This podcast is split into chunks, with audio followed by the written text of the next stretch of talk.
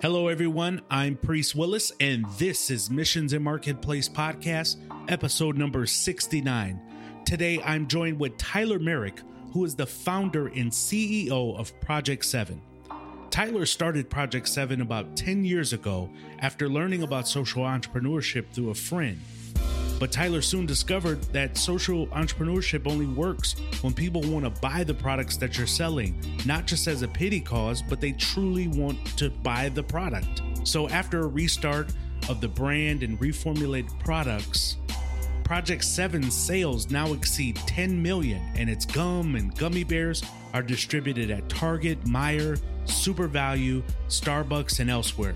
The company donates a minimum of 10% of its profits to seven areas of focus, including tree planting, clean water, and anti bullying programs. Tyler was an amazing person to talk to because his business is so grounded in his faith.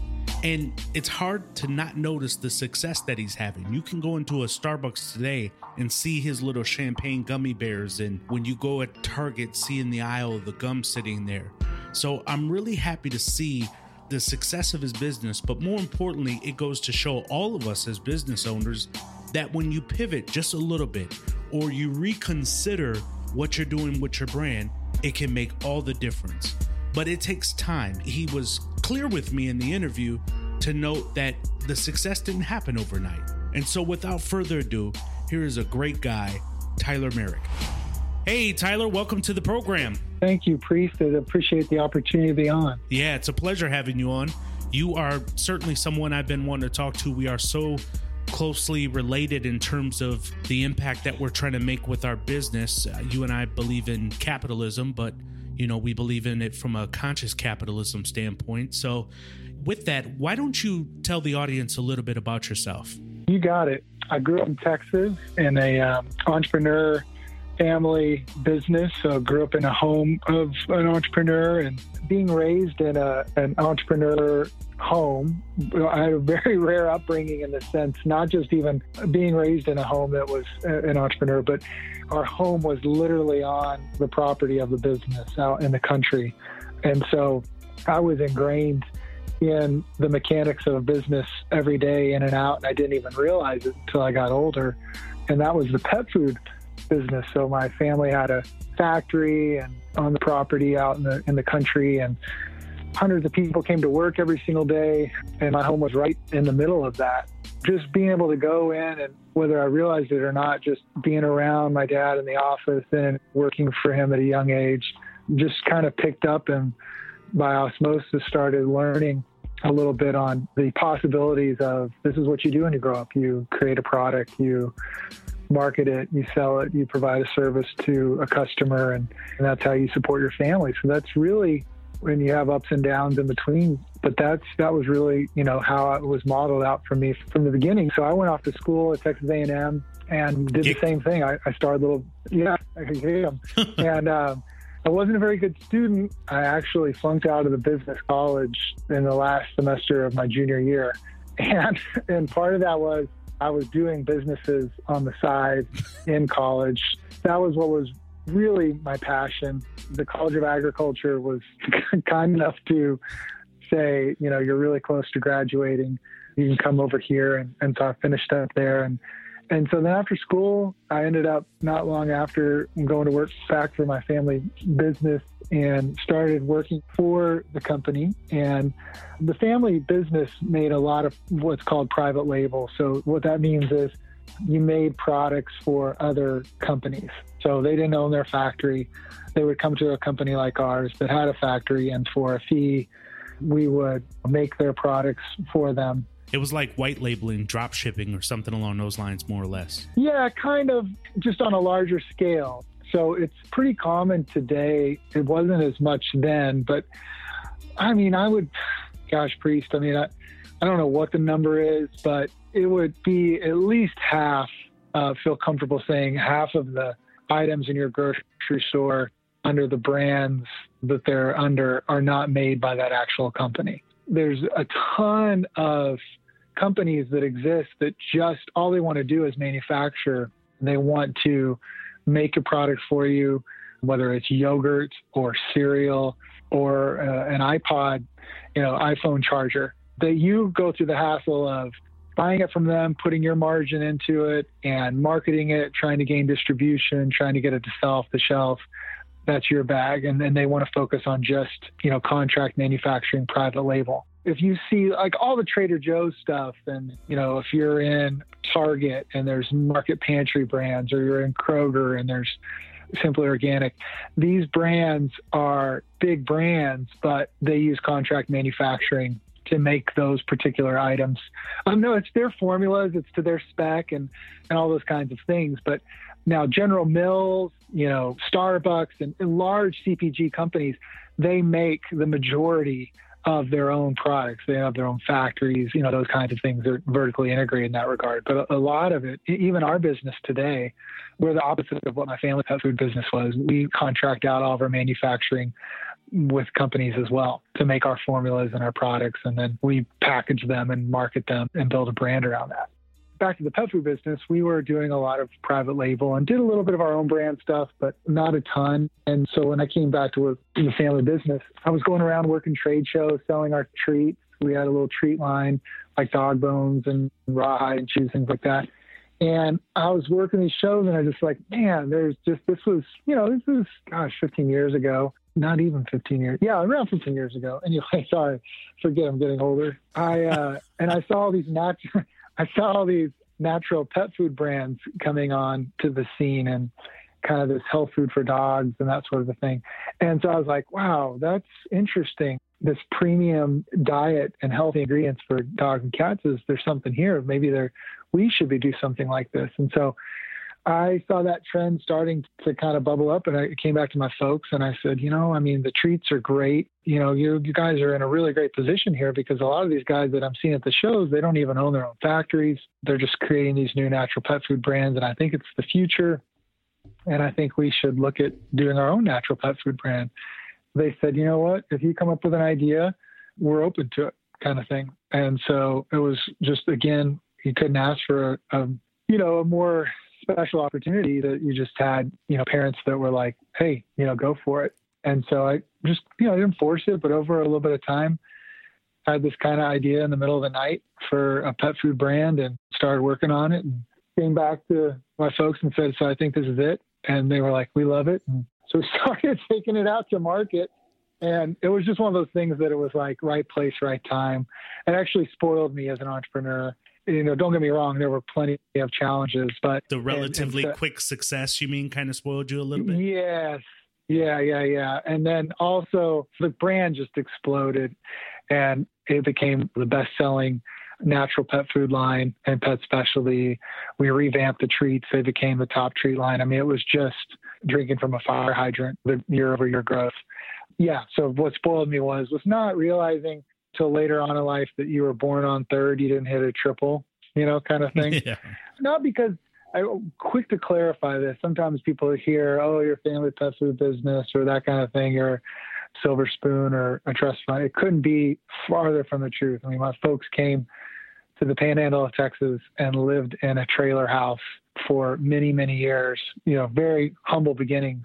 It wasn't anything like I was a trust fund kid or anything like that. I was just classic entrepreneur, hardworking, plow it all back into the business type of thing. And for the record, Tyler, I don't get that impression. I think a lot of people typically when entrepreneurs are a little bit more, especially like I had a conversation with a guest yesterday, Louisa, who said she came up in an Asian parent household that was totally against entrepreneur. They wanted her to work for Boeing, be an engineer, and they were middle class. They wanted her to be real safe.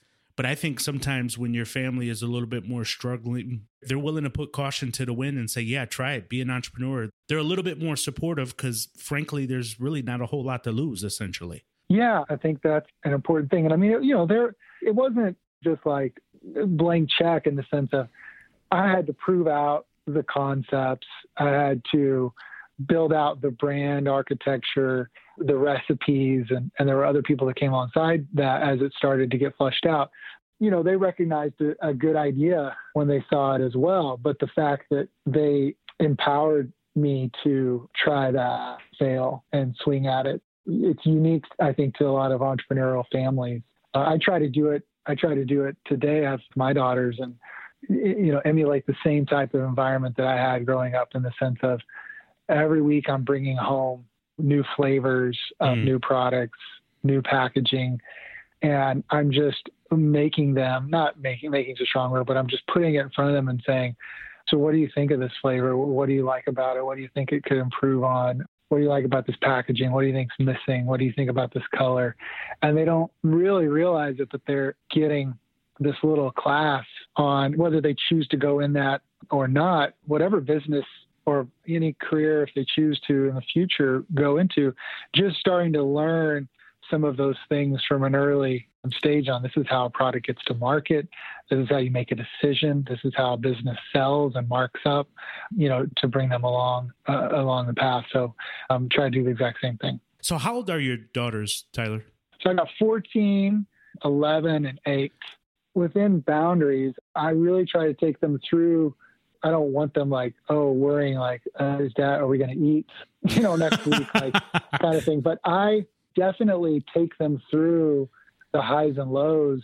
You know, it's a filtered version, but they'll see a product that I came out with and they'll see it get distribution and we'll all celebrate that and be excited. But then I'm also will share when the item didn't do well maybe when it got discontinued and what the story was behind that. But what they're seeing me do is continue to get back on the horse. And I've got a new one that I'm trying out, or a new concept, or a new flavor, or tweaking that one. And here's the next iteration of it to just subliminally be showing them, you know, rarely is it always going to work. And it's what it is is work and keeping your hand to the plow in persevering and pushing through those setbacks here and there and not just giving up and just kind of hoping for a Hail Mary every time. And the reason why I asked their ages is because I have a 14 year old girl that is, and there's something about the products that you're talking about specifically fall under Project 7. Many of you may have seen it at the prime spot, frankly, when you go to the register. It's sitting there right by the candy. You know, what I've seen is gum, gummy bears, things of that nature and for some reason, that product, both the packaging, the product itself, at least from my perspective, I can't speak for the demographic as a whole, but having a 14 year old, it just resonates with her. But you, on the other hand, both on the product side and the teachability point for your kids, as you pointed out, they get to have a product that they had some input on, then see it within the Walmart checkout line has to be rewarding both as a parent and as a business person as you're teaching these little people as they come up so that's why i asked because i said hey that product must be r&d by other teenage girls or something along those lines because my girl just loves this stuff Oh, thank you, man. I appreciate that. It's always continues to be the store, the retail environment, whether it's online or offline, but we primarily deal on the off, you know, the brick and mortar side because that's where our uh, the product categories we sell are pretty much purchased today. It doesn't mean that won't change down the road, but it's a living classroom. And what I mean by that is you're constantly trying things out and thinking you've got an angle on something and you've kind of figured out how your customer is. And then all of a sudden the market goes completely sideways on you, a different reaction. I will be honest with you. When I rebooted the brand four years ago, I was not thinking about our teenage daughters. I was thinking about 20, 30 something ladies that shopped at Target and Starbucks and something a little bit different as far as the cute package goes and flavors that were a little bit off the beaten path. And maybe I just was completely just naive. I did not see how much kids and teens, tweens would um, come into the brand. And so since then, we've tried to be a little bit more mindful of that. So we have a lot of fans in that regard, or, or even those 20, 30 somethings have kids. And so it's kind of something that they'll have as well as their kids. But I think that's where we continue to learn and, and edit and tweak the brand and uh, as you go along and, and not be afraid to to own up to it as you're going along and being like, you know, I was really hard pressed that this was the customer and this is the channel and this is the flavor and that pride will bury you. I, don't mean giving up your integrity and character for product quality and all those kinds of things. That's important, but if the market's starting to, you know, have a different response, as a merchant, as an entrepreneur, it's your job to try to catch the pulse of that and you know you know tweak that and, and continue to to make it where your customers can be engaged with the brand and support it.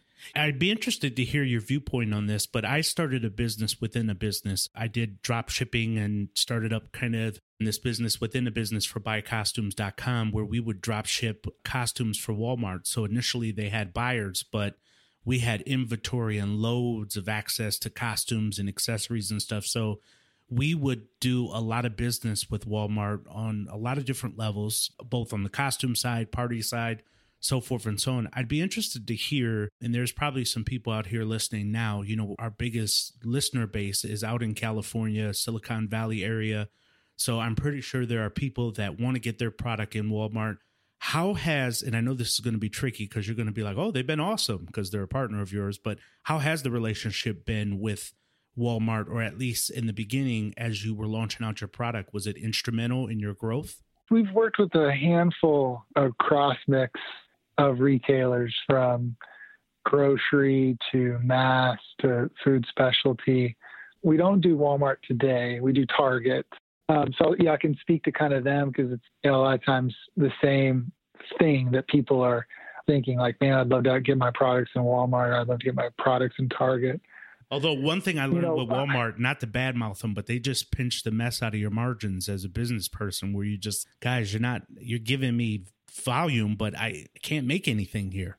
Yeah, I think the challenge is it depends on what product category you're in, but for the most part, going off the high dive, the deep end of the pool, is a Walmart or Target, and I've learned the hard way, both good and bad what that looks like once you've jumped off and you're in there. And it's the most competitive landscape uh, there is. You know, you have a son that plays college football, and it's one thing to make the starting this varsity squad in, in high school. It's another thing to get a scholarship to a, a major D1 football program, and that's a whole other level of athletes. And then it's a whole other level to make the starting to be one of the starters on that on that team, right? Mm-hmm. And then you can see where my analogy is going.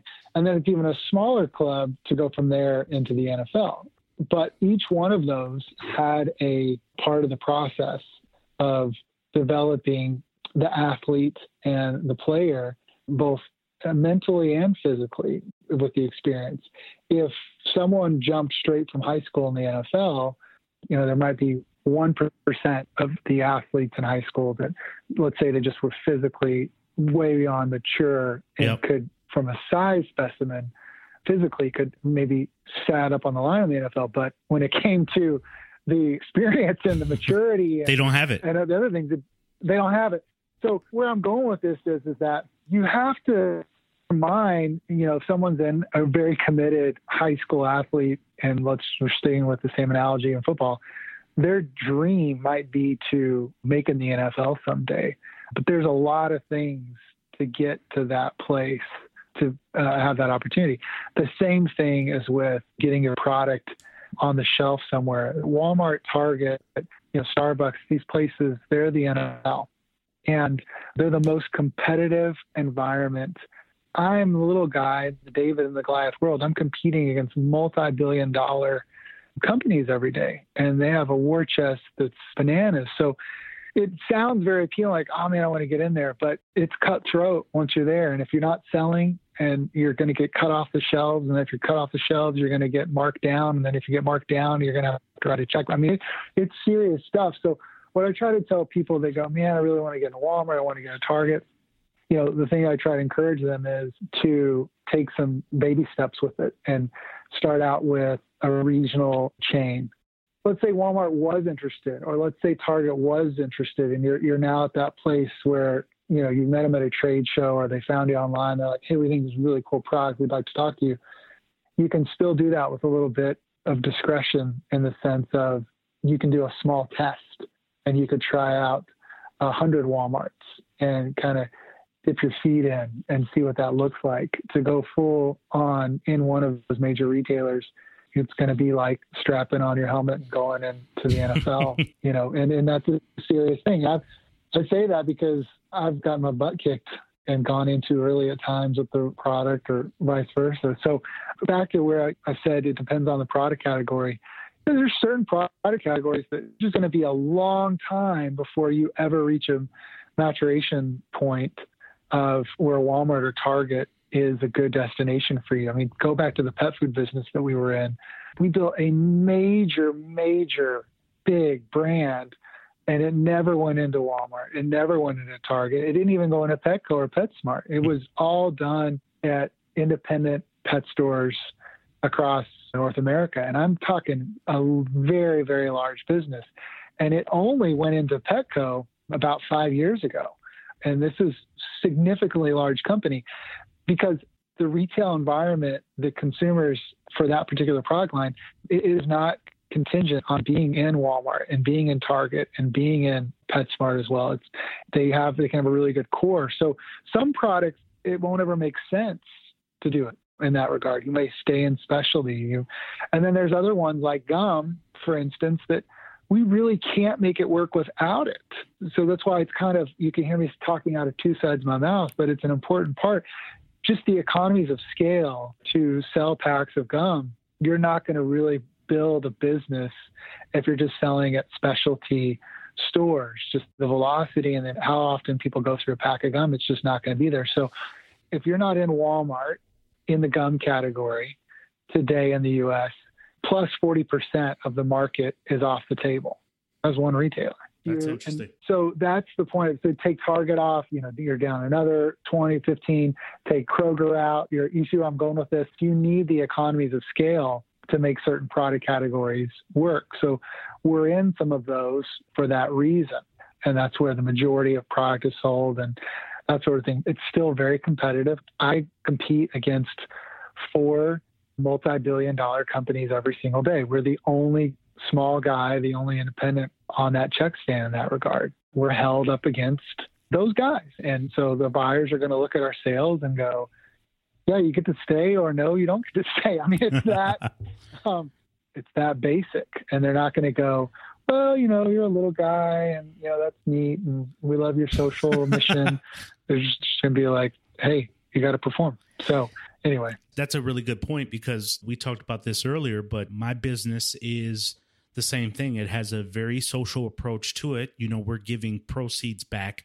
And a lot of times clients can't believe it. Like, wait a minute. So I'm going to pay you and then you're going to give the money to certain nonprofits on our behalf and we're explaining it yes that's what we do there's no strings attached nothing they're like oh that's great hey but tell me what the roi and then they want to get into the numbers so even though you have a really good story and that may feel good for 20 seconds they still want to know that you're going to operate and run and function if not better than other companies and that kind of leads me yeah. to my next question. How has it been for you bringing up penetrating into established businesses and gum companies and things along those lines?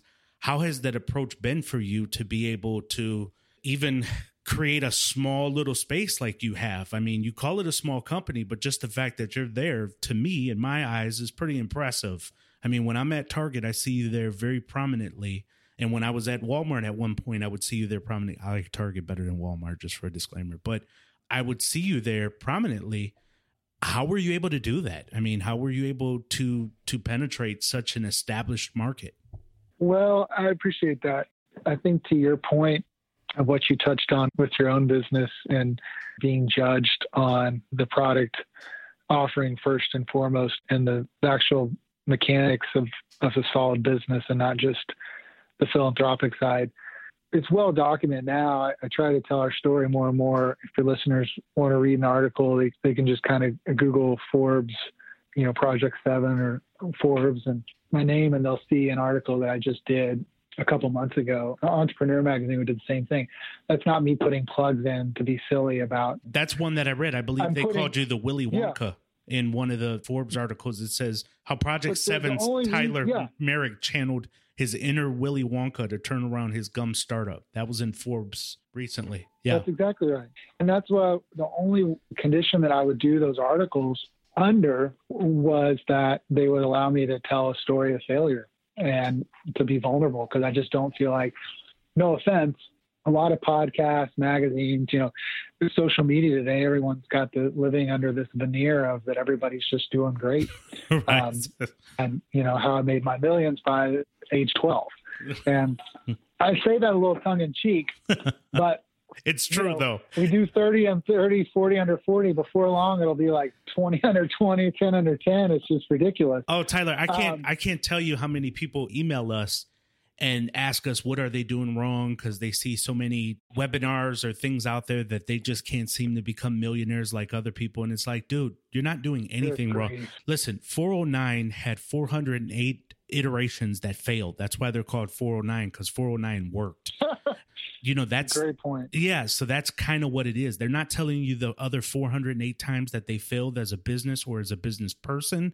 That's what i find myself emailing back every day like look failure happens especially as entrepreneurs. We're doing risky things and so failure comes with it. I just put up a facebook post yesterday letting people know for every one success that i have i have like two failures that follow behind it from a business idea to something else. So that is so good how you pointed out in that Forbes article that you wanted to reiterate that this is kind of a, a startup of a restartup that you're doing because you failed.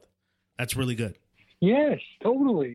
I think the reminder for all of us is that have been through those failures is to keep sharing those with others, whether it be a peer group or the next generation or the generation after them, just so they continue to hear that and be reminded about it. Because I mean, the reality is, for whatever reason, again, I don't know if it's just amplified by social media and the, the curated life that we create online today, but every person is going through something. Every business is going through something. And when you begin to isolate yourself and put yourself in a silo and start to think that you're the only one going through something or boy that business is so much better than mine. I wish i was doing as good as them. You know you just really put yourself at a disadvantage emotionally to do your job every day. And so you continue to be reminded and share stories and listen to other stories of setbacks in that regard is an important part. I mean i think it's just we've got to keep doing it. So yeah, I started the business eight years ago and it blew up four years ago. So you can do the math. Mm-hmm. We have two chapters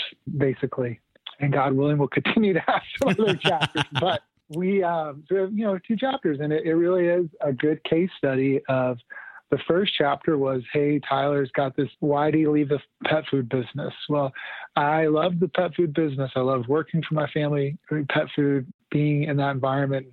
It was one of those ones like, why would you ever leave? And and believe me, after everything failed as bad as it did, I chased that on the regular and, and went back and licked my wounds and why'd I leave. But I really had this in me to go and do something with a social enterprise type DNA. And so I was either going to go into uh, my faith is important to me. I'm a Christian. I was going to go into full time ministry and work at a church or a nonprofit. I loved the business world but I just felt like I wasn't doing enough in that eh, type thing. So I was going through my own kind of mid-career crisis at, at, a young age, and I went to lunch with this guy one day that was that was coming through town, and some friends thought we should get together and. You know, you're doing this whole silly thing like, what do you do? Where do you come from? And he was like, I'm a social entrepreneur.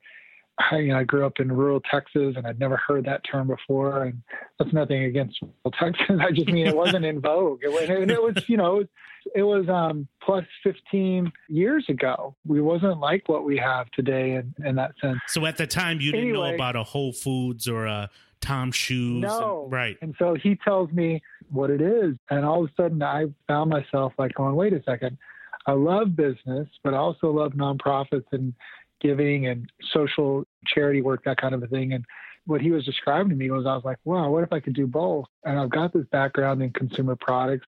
So what if I did something that kind of married the two together and I don't have to completely give up this other passion in the process? So that ended up to me going, all right, I've got to leave the pet food company. I've got to go try this. And so that's what I did. I think it's really important though, and I'm I feel bad for jumping around here, but it's very important no, to carve this part out, is that it didn't just go from you quit the pet food company and then I went straight into Project Seven.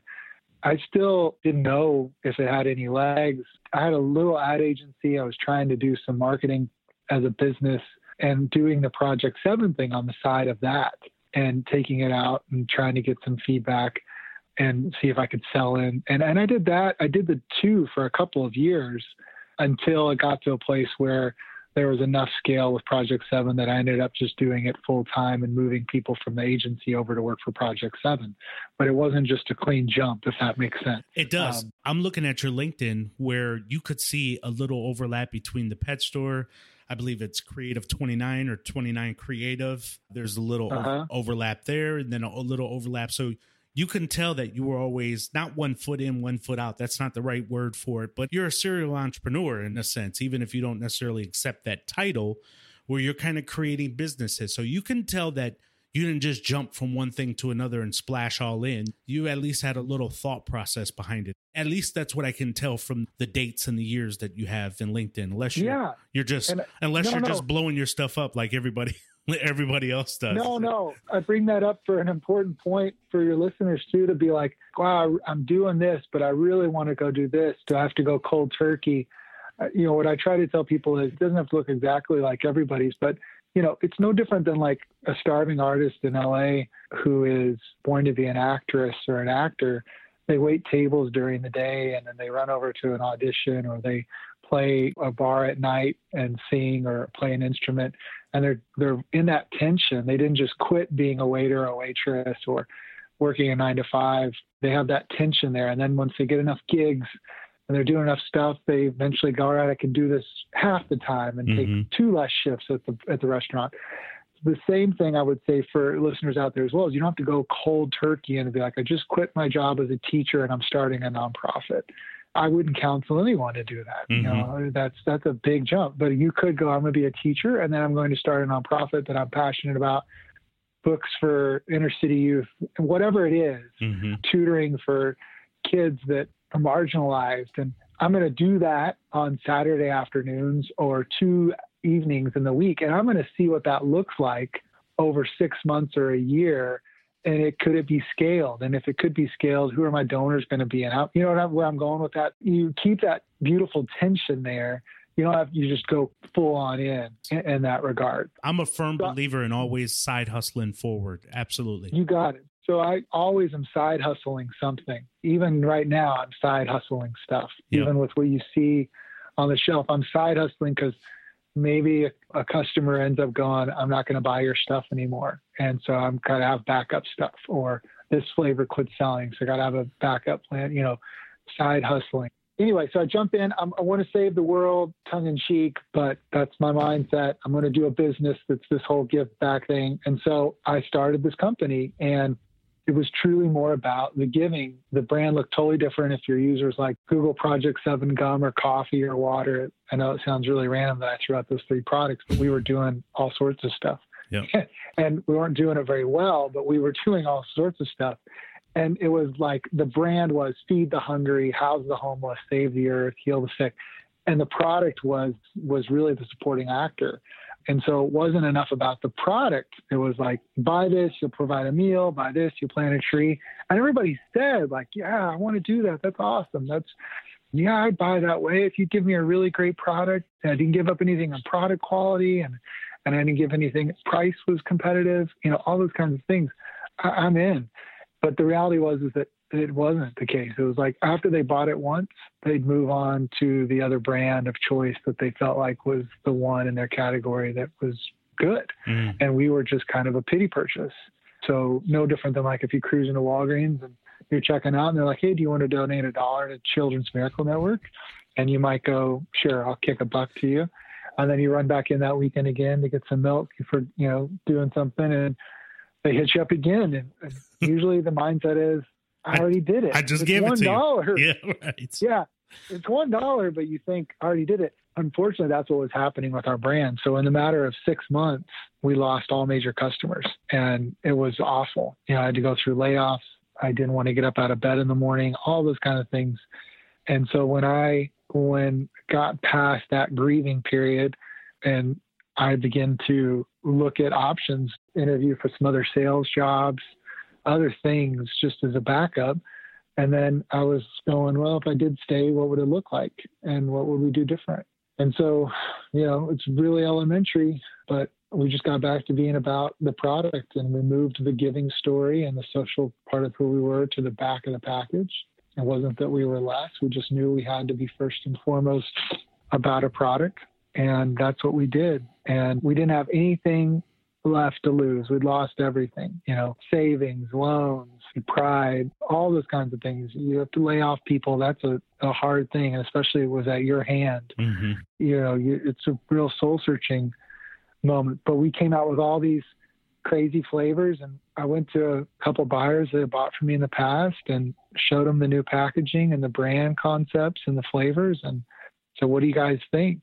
And I had enough of them that said, we think this is what the category needs and we like what you're doing and we'll try it again. And so then I said, all right, you know, and I plenty that said no, but I had enough that said we like it. And so then we, we started doing that about four years ago and it's not been all roses, but it's been a night and day experience since. I mean, we, we went from being the worst selling gum on Target check stands, front ends, when we were with our first iteration four years ago to one of their top selling gums now out of the whole assortment, you know, going up against the big guys, the blue bloods uh, of the industry. This kind of adds something to branding. And when, when I talk about branding, I'm not just talking about packaging, although I include that, but it's not exclusive. And a lot of other components to people that kind of pivot themselves in business. You know, I heard a recent story that Grey Goose, and I never had Grey Goose in my life, but I heard that very early on in the 1930s or whenever they first started, it was disgusting. People thought it tastes like floor cleaner, and part of it was made with floor cleaner or something like that. And what they decided to do as a company was not necessarily change the ingredients, they changed how people perceived it. So, meaning they kind of rebranded it, repackaged it, made it seem exclusive, limited how much they would actually put out to the public, etc.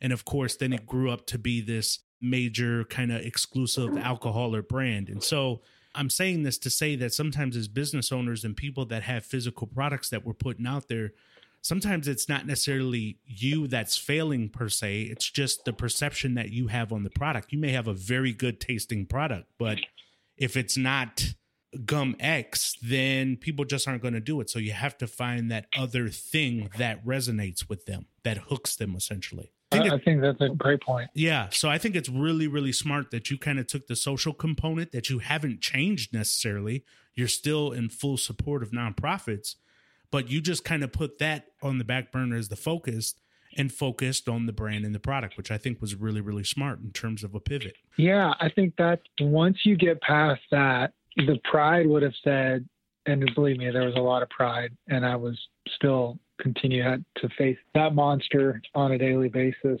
But mm-hmm. there would have been a lot of pride that was like, no, I built the brand to look this way and it's going to give this way. And if people aren't going to buy it like this, then I'm not going to do it. That would have been just silly. It was back to where I said of just learning as you go and all of a sudden realizing like, all right, man, yeah, if you want to do that, you can. But if you'll pivot here and you'll still keep your soul, but you'll just make the company stronger so that you can continue to give in a healthy way, this is a viable path for you. And that's what we ended up doing. And that was the game changer for us. I mean, by no means have we made it, but we've now we've added other candy items, gummy bears, those kinds of things coming into our assortment. It helped move the and, needle and, and trend you in the direction you want to go in, essentially. We like to thank today's sponsor, TubeBuddy. TubeBuddy is the premier YouTube channel management and video optimization toolkit. YouTube creators will find their new best friend in TubeBuddy. Their browser extension adds a layer of amazing functionality right on the top of YouTube's website. You can perform bulk updates to your videos, such as adding annotations or cards to all your videos with just a few clicks. You can perform find replace on your videos just as you were using a word processor. You can generate professional custom thumbnails using screen prints and branding text layers. You can engage with your audience quicker and more efficiently. You can export your list of subscribers and their social profiles. You can get detailed analysis of competitor channels. You can promote your new upload across other videos. The list just goes on and on. Today's sponsor is TubeBuddy go into the podcast notes page and click on TubeBuddy and get it today. Correct. So I think that's important too is just for your listeners as well is just to be open to feedback as you go along. I mean, don't, if you're a, I'm making this up, if you're a gluten free baking brand and that's your passion and that's what you want to do, and you're meeting buyers that go, yeah, we don't really sell a lot of gluten free. If you'd make with gluten, we'd buy a lot. I'm not saying you to just kind of go, fine, we'll make it, you know, gluten kind of thing. Like, I'm not saying you completely sell out, but if they're like, you know, we do gluten free really well, but we've noticed that there's not a lot of options out there for gourmet gluten free stuff. You know, everybody's doing kids gluten free stuff, and we feel like there's a, a demographic out there that we're missing. That's you know adults who are looking for more fun, special dessert experiences that are baking and they're gluten free. Well, that's a valuable insight, right? And you could sit there and go, no, I'm going to be a kids gluten free brand. And maybe that's what you're supposed to do. But you could all of a sudden trying a lot and facing that same challenge, you get that feedback from a buyer and you go, you know what, there might be something there. Yep. They see a lot and there's probably some wisdom and experience there. And I've heard this from someone else too. Maybe we should take a look at that. So I think that's just an important thing.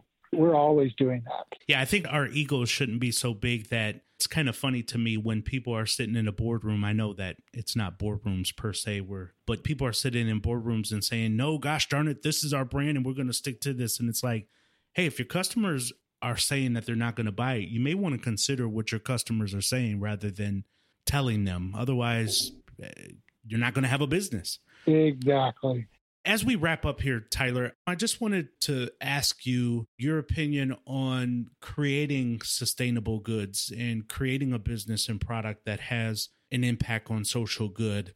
How do you think if somebody says, "Yeah, I like that idea of creating something not necessarily not necessarily trying to find something totally new, but even taking a concept that exists, i.e. the gum that you have out there and things that along those lines, how would you suggest a new social entrepreneur approach it or attack it? What are some things, maybe one or two things that you've learned that you would say, you know, your first step should be this? Well, there's two separate buckets if you want to talk about, in my opinion, there's two separate buckets when you're talking about, you know, doing social enterprise business. There's taking existing goods that in the marketplace and doing a new version of them and creating a brand around those and incorporating giving model as part of who you are. It's got to be genuine. It can't feel like a band-aid or, you know, just a little sticker that's put on there because that feels a little bit fake to people and, and it won't really mean a lot to you either. People sniff it out, you know, you're not going to just a pity purchase again. Your product's going to have to be good on its own. Mm-hmm. Second, there's the social entrepreneur side that's creating new things that have a double benefit in the sense of like, let's say um, someone invented a soccer ball. This is true. Someone invented a soccer ball not too long back that for developing countries that soccer was really big. As the kids kicked the soccer ball, it actually was charging in the soccer ball itself. And then they could take the soccer ball in their home in that night and they could plug in some low voltage type stuff and have a source of power in their home that they didn't have before. That's pretty cool stuff, right? That one is the harder one to do that one's the bigger one to do for me because that's really neat things in that regard. When you're going to do the other one and you're going to take an existing business and you're going to apply a, a triple bottom line to it, some sustainable giving or what some impact, the thing that I just can't stress enough is that you've got to be passionate and committed to making a great product or service first and foremost that's got some differentiation in your goods and services that's beyond sustainable social impact story just because it's kind of like non-GMO or natural labels today. It, it's kind of a everyone's got that or more and more, you know, or no artificial this or that. Mm-hmm. It's just kind of like it's starting to become more and more expected. The same thing with a social component to what you're doing. Make a business that's super strong and great, and then let that be the cherry on top. That, and oh by the way, not only are we the coolest payments processor because we're the easiest and you control it all through an app and you know, get your payouts daily, but at the same time, we're going to show you your impact, you know, on our app that you provide this many books for inner city libraries. And that's one of the cool things that's our mission as a company that we've given 300,000 books back into classrooms that were short. You know what I mean? Like, yeah. but it wasn't sign up for our payment processing service and help kids get books in schools that don't have the same amount of books, that starts to make me feel guilty. That starts to make me feel like your product's not first and foremost a quality offering. I want to hear where the quickest payment process or the lowest fee, the easiest steps to get from here to there. And oh, by the way, this is something we do just as an extra benefit.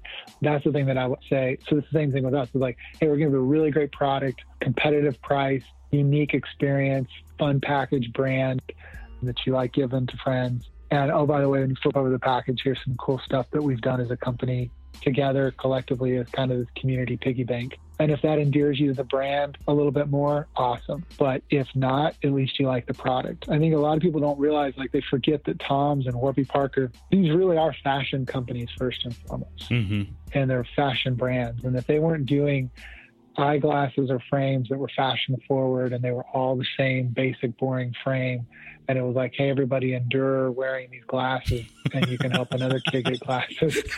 and, you know, everyone's going to buy them once. Or the same thing with Toms. I tell people all the time, if they would have done a Chuck Taylor knockoff, and that would have been their shoe, that would have been their silhouette you know, they probably would have had a pretty awesome year one and year two. Like, oh, did you buy those pair of Chuck Taylor knockoffs called Toms? You know, they're, I, I gave a kid a pair of shoes, you know, when I bought them. And everyone would have been like VH1 back in the day. Remember Tom shoes? We had those knockoff Chuck Taylors that everyone wanted to buy, get a pair of shoes. I mean, that's really what it would have been. But they were like, no, we are going to do something different. We're going to do different silhouettes. And then once you come into the brand, ladies, we're going to do a wedge and we're going to do a clog and we're going to do a ballet flat. And we're going to keep showing you that we're forward thinking and the silhouettes and the design and the fashion of who we are. And oh, by the way, every time we buy a pair of shoes, we're going to give a kid a pair of shoes. So I think that's the important thing is make really great stuff, have a really solid business, great service differentiator in that regard. And then that other part is just the warm fuzzies that go with it. The cherry on um, top. Don't make it about that other one first and foremost because buyers are kind of tired of that. People are a little bit tired of it, and you'll spend more time defending your programs and your model and less time talking about your products and services. That's really, really good stuff. That is great insight and one that I subscribe to 100%. So, Tyler, how can people either get in touch, be a part of the cause, find your product? Can they order in bulk? Feel free to share anything you want as we wrap up here. Yeah, a couple different ways. Um, you know, you can connect with us on Instagram. Very simple project, the number seven.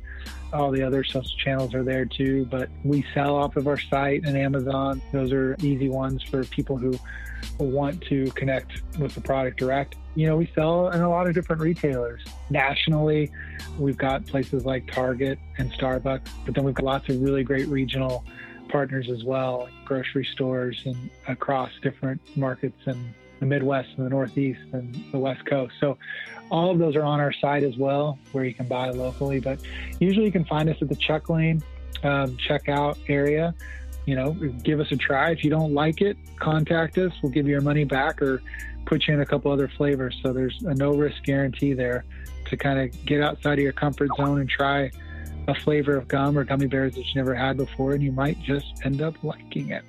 I think you will. I do.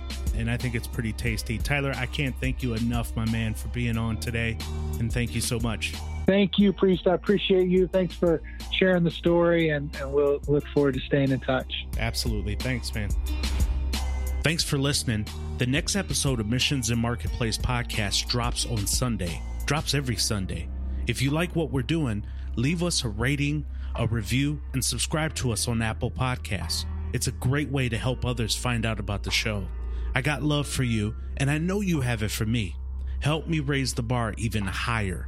For more information about the show, follow me on Twitter at the handle P. Willis Sr.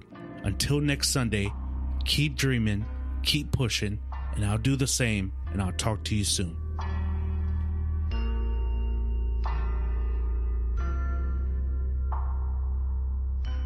I'm the best ever. My style is impetuous, my defense is impregnable, and I'm just ferocious.